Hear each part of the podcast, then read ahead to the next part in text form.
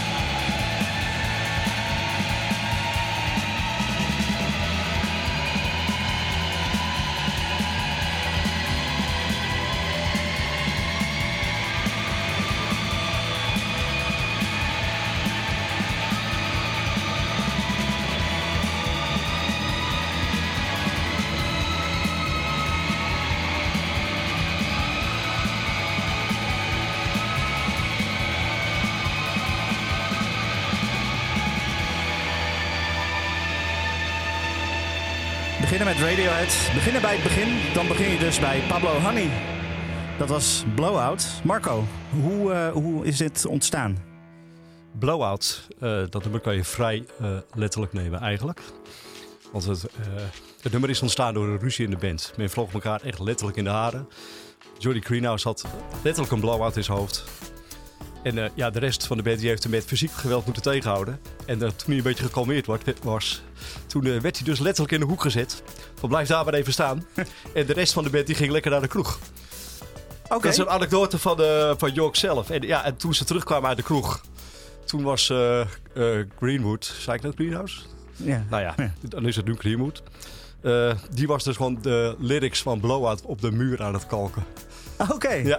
En dat is, dat is dus. En toen zijn ze ook meteen de studio ingedoken om het op te nemen, of uh, dat nog niet? Ja, dat durf ik eigenlijk niet te zeggen. maar uh, het is in ieder geval een hele mooie anekdote om bij het nummer te hebben. En uh, ja, het nummer is er blijkbaar wel uit ontstaan. Ja, ja precies. Alex, jij had ook nog wat te vertellen over ja, nou, nou, Pablo. En, ja.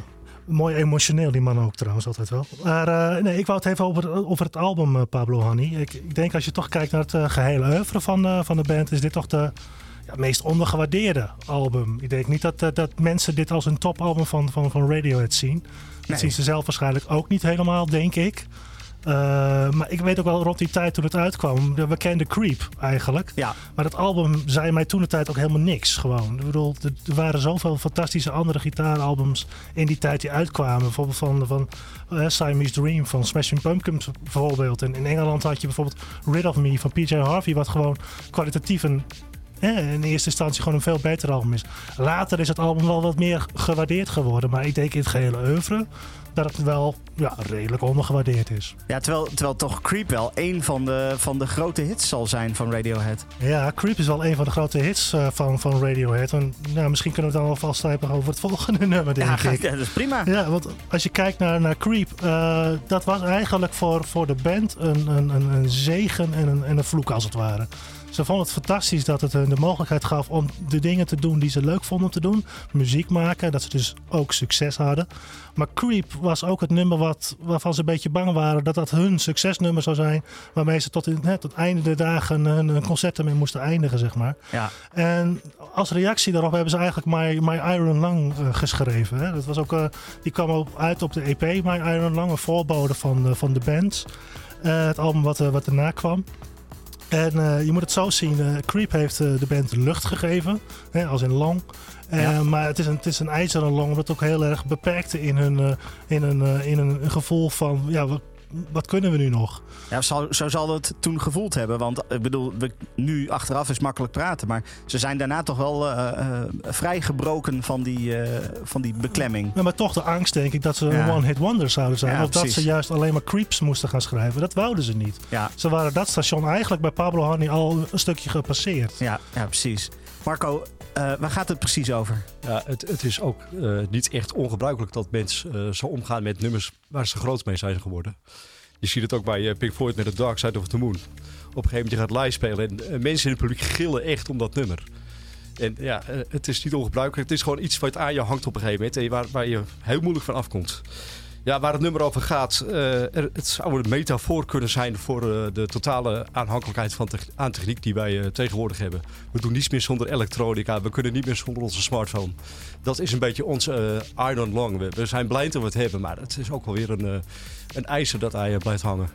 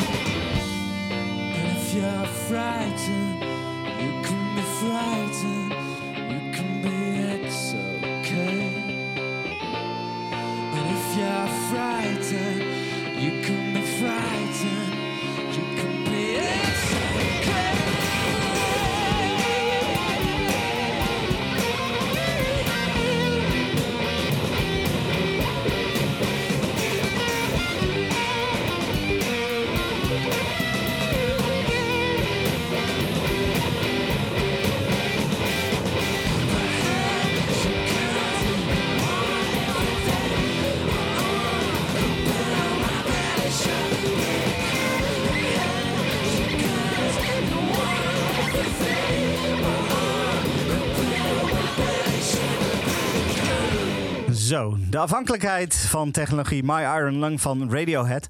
Volgende liedje kan ik zelf wel eerst wat over vertellen. Dat is wel heel interessant. Ehm, ik kende dit nummer helemaal niet. Totdat op ondergewaardeerdeliedjes.nl er een battle was waarin uh, dit nummer langskwam. En vervolgens ook nog eens de battle won, als ik het me goed herinner. Weet jij dat nog, Freek? Ja, dat was in uh, 1958. Ergens nee, echt een jaar of zes geleden. Ja, precies. Zoiets. En, ja. ja ik kende het helemaal niet. En het was een B-kantje volgens mij? Ja, het was een B-kantje van uh, Street Spirit Fade Out. En we hebben hem uh, nu ook langs laten komen. We hebben, we hebben in het begin gezegd, we gaan het een beetje per album doen. Maar er zijn een paar liedjes die zijn zo hoog geëindigd en die stonden op geen album. Dus die, die wilden we natuurlijk ook laten horen. En dit is er eentje. Het is een, inderdaad een B-kantje van Street Spirit Fade Out. En uh, ja, een, een, beetje een uh, vreemd nummer in die tijd. Het uh, was in de tijd dat ze nog een beetje met krautrock bezig waren. Zoals je net hoorde met die stevige gitaren. En hier waren ze een beetje een vlichten met ja, een beetje van Massive Attack-achtige trip-op, zeg maar. En eigenlijk was dat een beetje een doorkijkje naar het Radiohead... wat we eigenlijk pas vijf jaar later zouden horen op Kid A. Ja, precies. En dan hebben we het dus over... Dan hebben we het over talkshow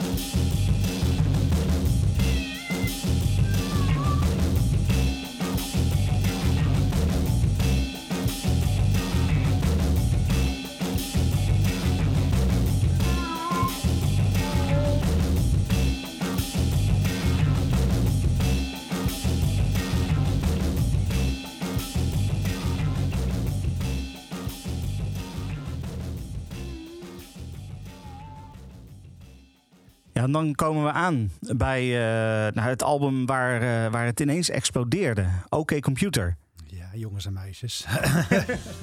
Als je Radiohead wil kennen, begrijpen, OK Computer is, is wel een van de Alba, de albums van, van Radiohead.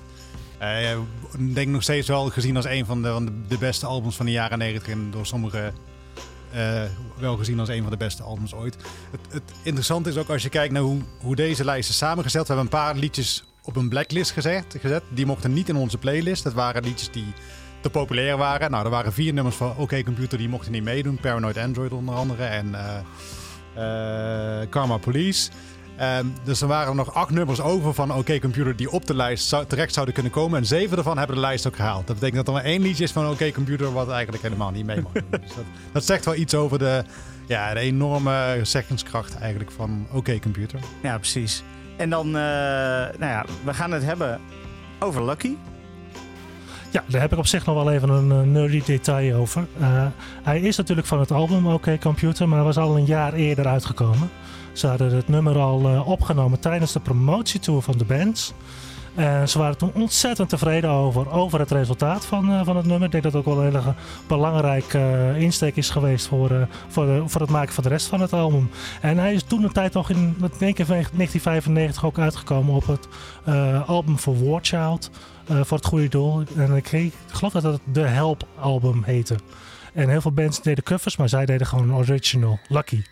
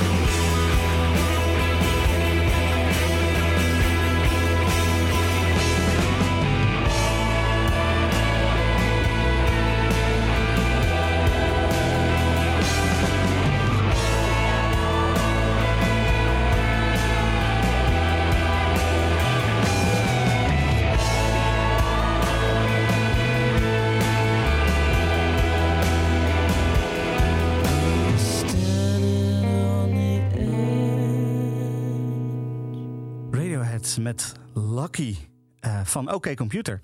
En daarna uh, ging het ineens uh, een hele andere kant op. Rer, zeiden ze bij Jiskevet. Ja, toen werd Radiohead ineens ja, anders. En ik vind, je moet sowieso altijd respect hebben voor artiesten die ineens iets heel anders gaan doen. Zeker als dat indruist tegen alle commerciële kansen die ze hebben. Je, bent groot en als je nog een keer een, een oké computer had gemaakt, als je nog een keer een creep had uitgebracht, dan had je sowieso miljoenen uh, publiek bereikt. Ja. En zij gingen het gewoon totaal anders doen. Dat vind ik echt super tof. En dan was Kid A. En uh, Kid A was een stuk elektronischer. En uh, met name Tom York schijnt toen, uh, de zanger schijnt toen in de band iets meer zeggenschap gehad te hebben. En hij luisterde heel veel bijvoorbeeld naar FX Twin. Hij dacht, ik wil ook wat meer elektronische muziek maken. Johnny Greenwood, de andere schrijver in de band, die dacht, hmm, weet ik niet zo. Maar um, het nummer waar we zo meteen naar gaan luisteren, um, daar, het, daar wordt van gezegd dat op dat moment alles op zijn juiste plek viel. Zeg maar. En dat verklaart een heleboel. Ja, ineens. Ja, precies. Ja, het was wel een heel raar nummer hoor. Uh, althans van mensen die het, uh, het album hier in Nederland kochten voor het eerst. En Marco en ik hadden net een gesprek erover. Wij hebben allebei Kit E gekocht van de eerste persing hier in Nederland. En daar was iets raars mee, want die persing die klopte helemaal voor geen kant. Want er was de eerste 40 seconden was een, eh, een opname van heel iets anders. Een soort van metalband die een optreden beëindigde. Gejuich, wat een soort van fade-out op een gegeven moment. En toen begon Everything in its Right Place. Maar Marco en ik hadden allebei vertelden elkaar net het idee van, oh, dit hoort zo. En ik had ook iets van, ja, de band is van, van, van, van, van de gitaarband afgegaan en meer elektronisch geworden. Dus ik dacht toen de tijd, toen, het album, toen ik het album voor het eerst hoorde, dat het zo exact hoorde. Ik heb het exemplaar nog steeds bewaard. Uh, en ik ken het nummer niet anders dan alleen met zo'n metal, open, uh, met zo'n metal afsluiting als opener van het nummer. Ja, dus het is wel een beetje een raar idee dat ik nu uh, een versie ga horen die ik, die ik helemaal niet ken eigenlijk.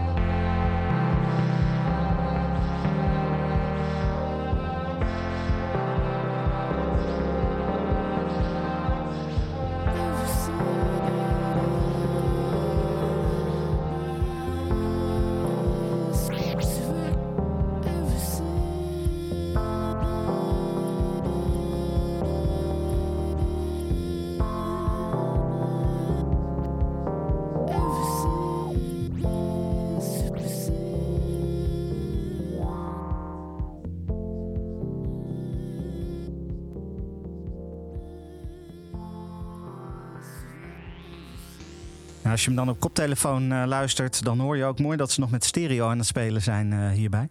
Dat was uh, het eerste echte, echte experiment. Hoewel, nou ja, Oké Computer was natuurlijk ook al een experiment. Maar vlak na dit album kwam er nog een album. Ja, Amnesiac. Dat kwam eigenlijk al acht maanden na Kid A al uit. En dat was uh, eigenlijk toen we dat hoorden, toen ik het hoorde, al best een verrassing. Gewoon zo snel. Dat klopt. dat komt zo snel omdat het materiaal van Amnesiac is tijdens de opnamesessies van Kid E gemaakt. Dus beide albums zijn eigenlijk gewoon tegelijkertijd tot, tot stand gekomen. De band heeft nog getwijfeld van gaan we hier een dubbelalbum van maken. Maar ja, dat is op zich natuurlijk iets wat, wat misschien iets te heftig zou zijn. Kid was al heftig, ja. wat dat betreft, uh, voor, voor het ongeoefende oor. Maar uh, een dubbelalbum zou helemaal uh, heftig worden. En nee, wat dat betreft is, het, is Amnesiac wel een, een op zichzelf staand album.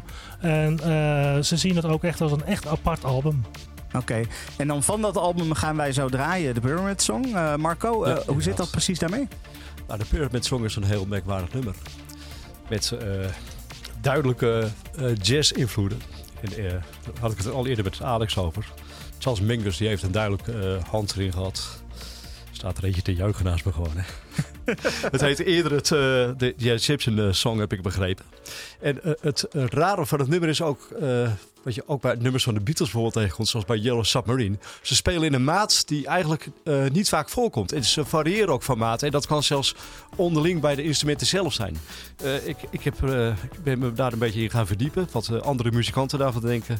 En ja, men beweert dus dat je 11 achtste maat tegenkomt, 4 vierde maat. Dat zijn dingen die ik eigenlijk niet goed kan begrijpen. En dat zit dus in de Pyramid Song.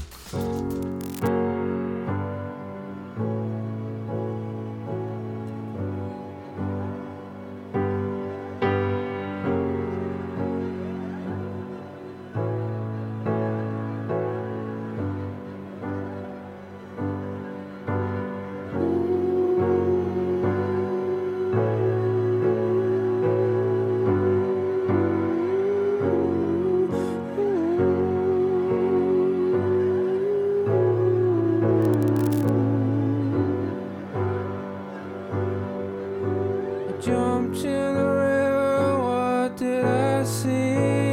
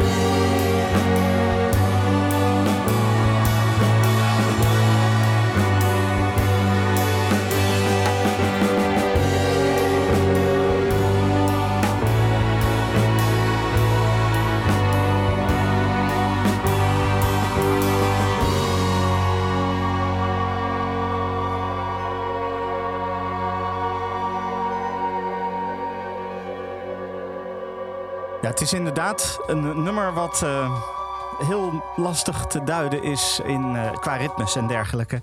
Pyramid Song van Radiohead. Um, dan gaan we door naar het volgende album. Hail to the Thief. Ja, het moest weer helemaal anders voor de band. Uh, ze zochten naar een, meer direct geluid, een meer organisch geluid. Ze zochten meer naar de live ervaring. Uh, om dat op, op, op de band te zetten, zeg maar. En uh, dat is in mijn ogen heel goed gelukt. Een hartstikke mooi album. Alleen ze zijn er zelf wat minder tevreden over. Ze vinden het uiteindelijk achteraf gezien dat er wat te veel nummers op staan. En dat het al te lang is. En dat zie je ook weer in de tegenreactie van het volgende album, wat weer gewoon een stuk korter is. Maar dat even terzijde nog. Ehm, het nummer wat we gaan draaien, denk ik, van uh, Hail to the Thief is het nummer There There. Ja, absoluut. Ja, en dat is, uh, die is ook heel hoog geëindigd in onze lijst uh, toen we die hebben, ze hebben samengesteld. Is een nummer geweest die heel erg lastig was om te maken. ze zochten nog echt heel duidelijk naar de juiste toon, naar de juiste om de essentie van het nummer te pakken te krijgen.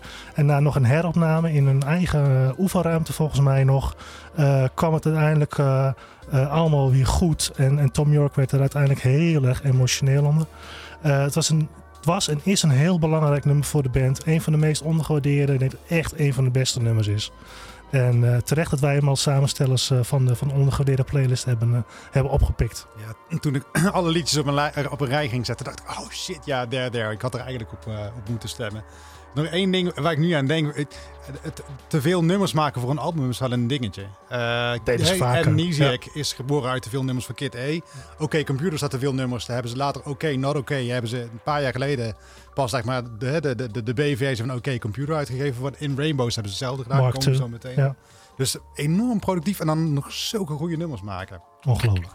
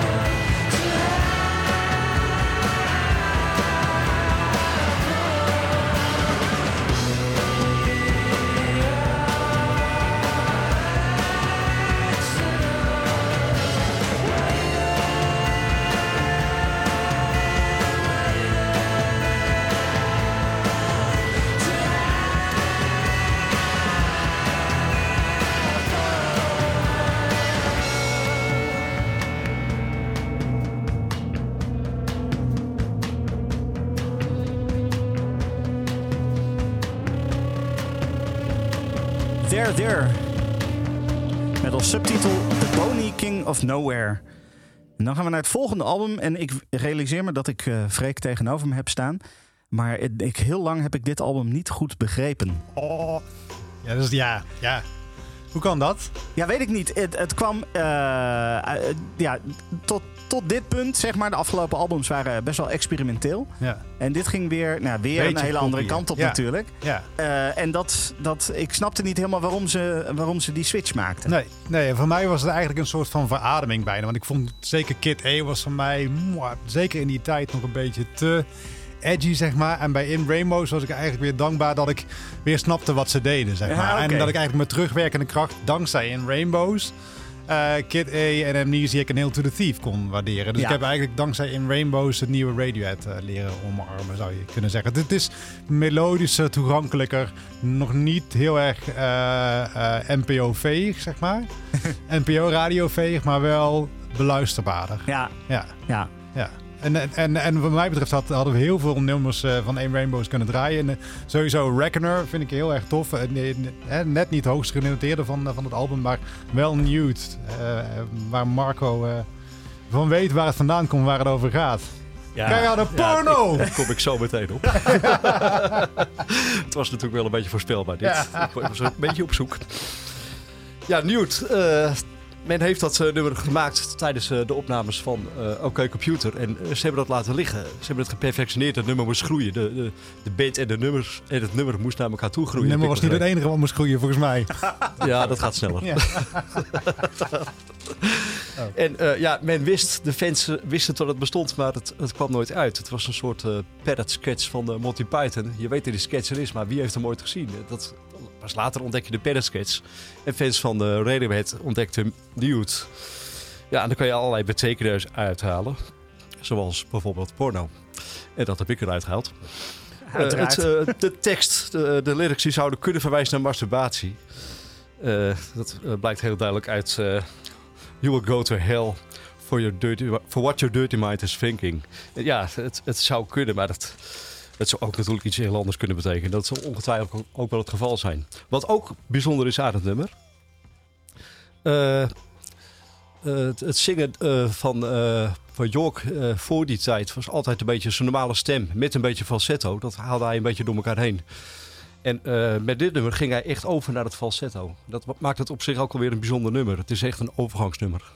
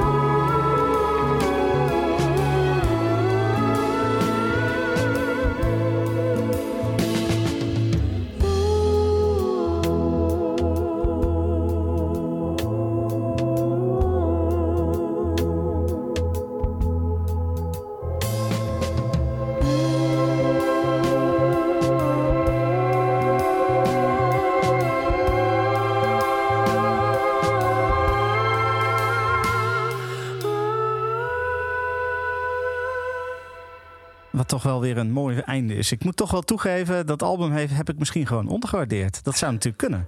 Nee, ja, dat, dat, dat is dan zo. Uh, nee, nee dat, ik, ik, ga hier niks opdringen. Maar in Rainbows, ik, iedereen die het uh, Post-Kid A Radiohead niks vindt, raad ik altijd eerst in Rainbows aan en dan een Moonshaped Pool, hun laatste album. Ja. Gaan we dadelijk nog over praten. En, en leuk bruggetje, eigenlijk zelden King of Limbs. Uh, dat is het album wat uh, tussen In Rainbows en de Moonshaped Pool komt. Uh, zijn ook niet heel veel liedjes van heel hoog in de, in de, lijst geëindigd. Ja, ze hebben toch duidelijk wel een bepaalde fanbasis. Ik, ik ben zelf ook geen fan, maar wat ik heb begrepen is dat dat nummer dat ademt een beetje ja, zweverig boeddhisme. het, het verhaal van uh, Siddhartha Koudma wordt een beetje in muziek uitgebeeld. lezen sommige mensen erin.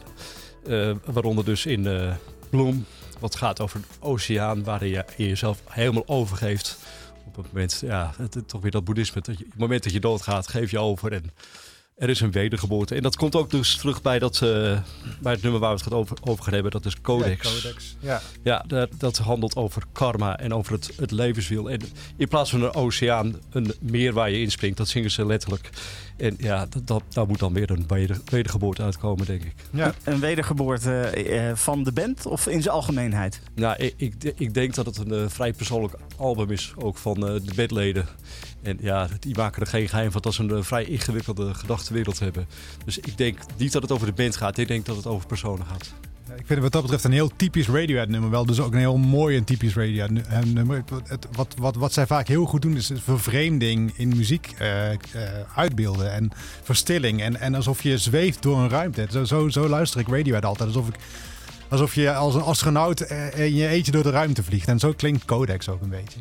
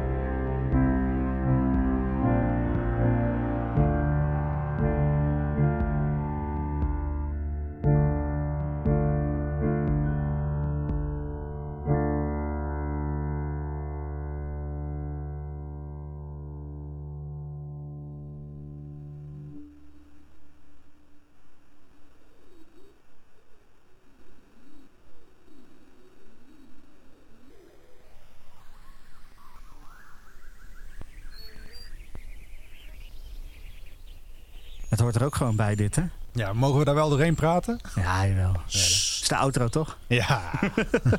Goed, Codex was dat. Ehm, en dan gaan we naar uh, het meest recente album. Ja, het was uh, 2016 en de band kwam uit met A Moonshaped Pool. En uh, nou ja, zo grillig als de carrière van Radiohead is verlopen, hebben ze de nu weer nou, een, album gemaakt. Het is alweer drie jaar geleden. Maar een album gemaakt wat, wat, wat gerekend wordt tot uh, hun beste werk. Er staan ook acht nummers van in de lijst.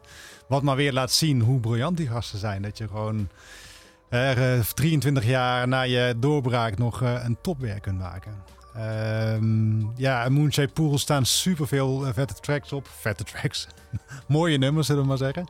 Uh, Daydreaming is de uh, nummer wat onze uitzending gehaald heeft. En ook eigenlijk net weer een beetje zoals Codex net ook was. Ook zo'n liedje wat een beetje in de ruimte lijkt te zweven. Ben je het met me eens?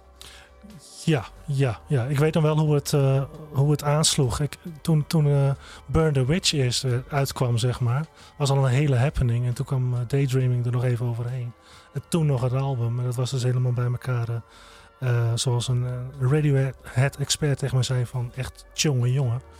Uh, maar, maar Daydreaming is, is een mooi, mooi zweverig nummer. Maar wat ik, wat ik, wat ik heel klassiek haast. Hè?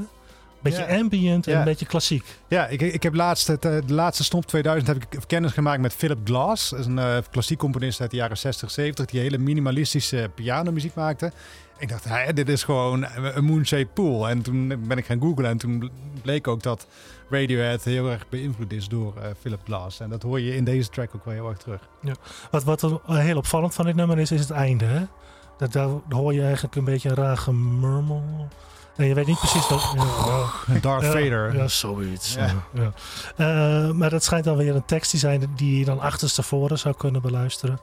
En uh, het is ontzettend moeilijk om te horen, maar men zegt dat het staat voor uh, de, de woorden half of my life. En dat zou dan weer kunnen slaan op de scheiding van Tom York in 2015 met zijn vrouw Rachel Owen, waarin na 23 jaar huwelijk uh, op vriendschappelijke wijze dat dan wel uit elkaar is gegaan. En heel veel muziek van het album uh, Moonshaped Pool is echt emotioneler en dat wijt men aan die scheiding. Wat er nog bovenop kwam is dat Rachel Owen eind 2016 is overleden.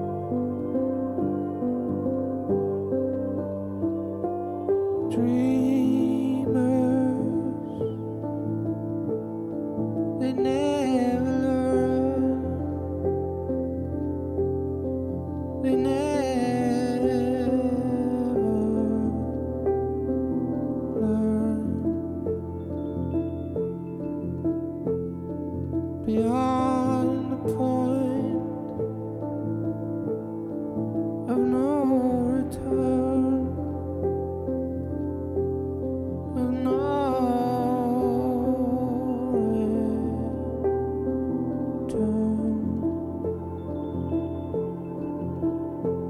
Then it's too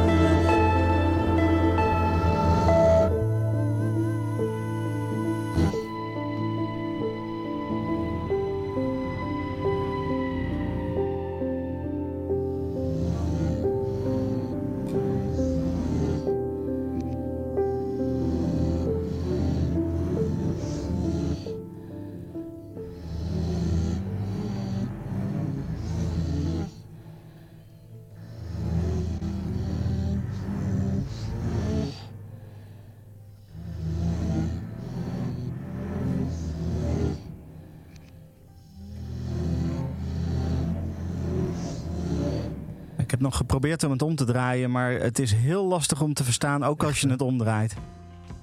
Nee, er komt niks uit, hè? Nee, het is echt. eh, je, je moet echt.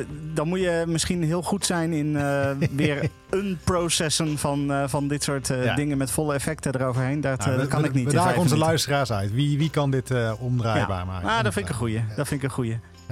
Ja. Eh, gewoon via Twitter, hè. Het onder, eh, om de, Liedjes. Ja, precies. Of via Scope.nl kan ook. Komt kan ook wel aan. Facebook eh, mag ook. eh, dat mag allemaal. Eh, we horen het graag in ieder geval. Ehm, dan zijn we eigenlijk door alle albums heen. Ja, Eh, maar toch hebben we nog een liedje staan. ja, we hebben er toch nog eentje. Want ik, ik zei al eerder, er zijn twee niet-albumtracks die we van, vandaag willen laten eh, horen. Eh, en eentje ervan heeft wel een heel tof verhaal. Het was eh, ook weer twee, twee jaar geleden, drie jaar geleden, ehm, in 2016. Er kwam een James Bond film uit. En eh, Tom York en zijn mannen die dachten... hey, we hebben eigenlijk al ooit een James Bond track geschreven. Die heet Man of War. Die heeft destijds OK Computer niet gehaald. Ehm, we gaan die indienen als, als James Bond soundtrack. En nou, de James Bond soundtrack beoordelingscommissie die, die hoorde dat nummer. Die dacht, wow, dat is inderdaad wel, wel vet. Echt een Bond-nummer. Toen gingen ze eh, contact opnemen met Radiohead, maar wat bleek, het liedje was dus al eh, bijna 20 jaar oud en zou binnenkort verschijnen op OK Not OK. Dus alle liedjes die destijds OK Computer niet gehaald hadden. En wat bleek, als, als ze de stad zouden kiezen, dan zou het liedje niet genomineerd kunnen worden voor een Oscar. En om die reden is het liedje afgekeurd als soundtrack. Maar ze dachten, weet je, ons ken je, ons heb je niet. Wij gaan gewoon proberen om een nieuw nummer te schrijven. En toen hebben ze Spectre eh, geschreven, ook echt specifiek voor deze film. En is wederom afgewezen omdat het liedje te melancholisch was. Maar ja, dat vind ik echt een hele, ja, een hele domme reden. Weet je? Alsof je Nick Cave vraagt om een liedje te, te, te, te, schrijven en dat, dat je dan zegt, ja, maar het is te donker. Ja, dat weet je. Als Radiohead iets schrijft, dan is het melancholisch. Wat jij, Alex? Ja, het was heel zuur. Uiteindelijk ging het eh, naar eh, Sam eh, Smith, Aha. geloof ik. Ja. Ja, ja dat, dat, dat was absoluut niet geestig. Ehm, eh, de band die baalde er ontzettend op van. Hè. Ze waren eigenlijk heel erg bezig met het eh, opnemen van de Moonshaped eh, Pool. Zaten ze eindelijk lekker in het proces van, eh, van, van maken en creëren. En dan eh, laten ze zich afleiden door dit, eh, dit hele verhaal. En dan uiteindelijk niet gekozen worden. Heel zuur, maar wel een heel mooi nummer.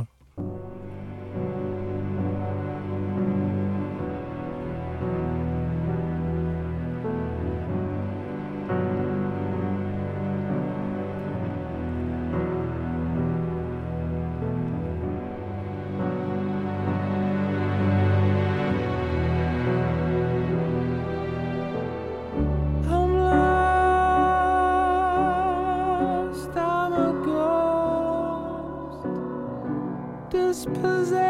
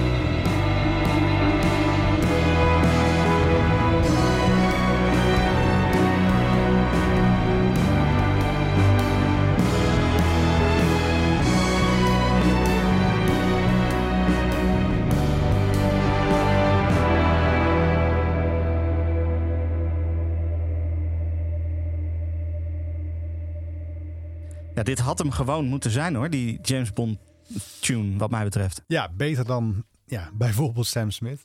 ja, ja om maar zoiets ja. dwarsstraat te noemen. Ja, precies. Nou, ja, dat was de lijst, of in ieder geval uh, wat wij hier in de podcast laten horen. Uh, van ieder album één nummer en twee liedjes die niet op een album, op een album uh, uitgebracht zijn. Ja. Hoe onder, ondergewaardeerd wil je het hebben? Ja, precies. Dat kan bijna niet ondergewaarderen. Um, uh, heb jij, Freek, voor mij toevallig een uh, resume over Flaké uh, van de hoogste paar liedjes? Toevallig wel. Nee, de top 10, in hoeverre je kunt spreken van de top 10, we waren natuurlijk ook maar met een paar mensen die punten hebben uitgedeeld. En wat, de nummers die bij ons het hoogst zijn geëindigd zijn The Numbers and Daydreaming van de Moonshaped Pool. Die stond op 10 en 9. Uh, daarna kwam Reckoner van uh, In Rainbows. Echt ook luister dat, uh, jongens. Even los van deze podcast, luister dat nummer.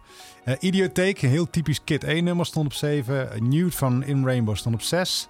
Pyramid Song hebben we eerder gehoord. Van Amnesiac stond op 5. There There van Hail to the Thief op 4. Lucky van OK Computer op 3. Op 2 My Iron Lung van The Bands. En met uh, nou ja, met een overweldigende meerderheid van stemmen op de nummer 1, uh, op nummer 1 Everything in its Right Place van Kid A. Was ook wel een beetje de verwachting dat hij heel hoog zou scoren. Ah, en super terecht natuurlijk. Ja, yes, nou, dat, dat was dus uh, Radiohead. Ja. Wat gaan we volgende maand doen, ja, We hebben eigenlijk net besloten dat de band voor de volgende maand ook met een R begint. Dan het is ook weer een band met een, een oeuvre, zou je kunnen zeggen. Een band die al heel veel liedjes had voordat ze doorbraken. Echt doorbraken, althans in Nederland. Uh, en daarna ook nog heel veel verschillende albums hebben gemaakt met hele verschillende sounds. En dat zijn de heren van R.E.M. Doe maar. Ja, daar kunnen we ook vast veel, heel veel over vertellen. Over wat daar de meest ondergewaardeerde liedjes van zijn. Is het dan het einde van de wereld nu? Zoals wij het kennen wel. Dit is een podcast van Kink. Voor meer podcasts, playlists en radio, check kink.nl.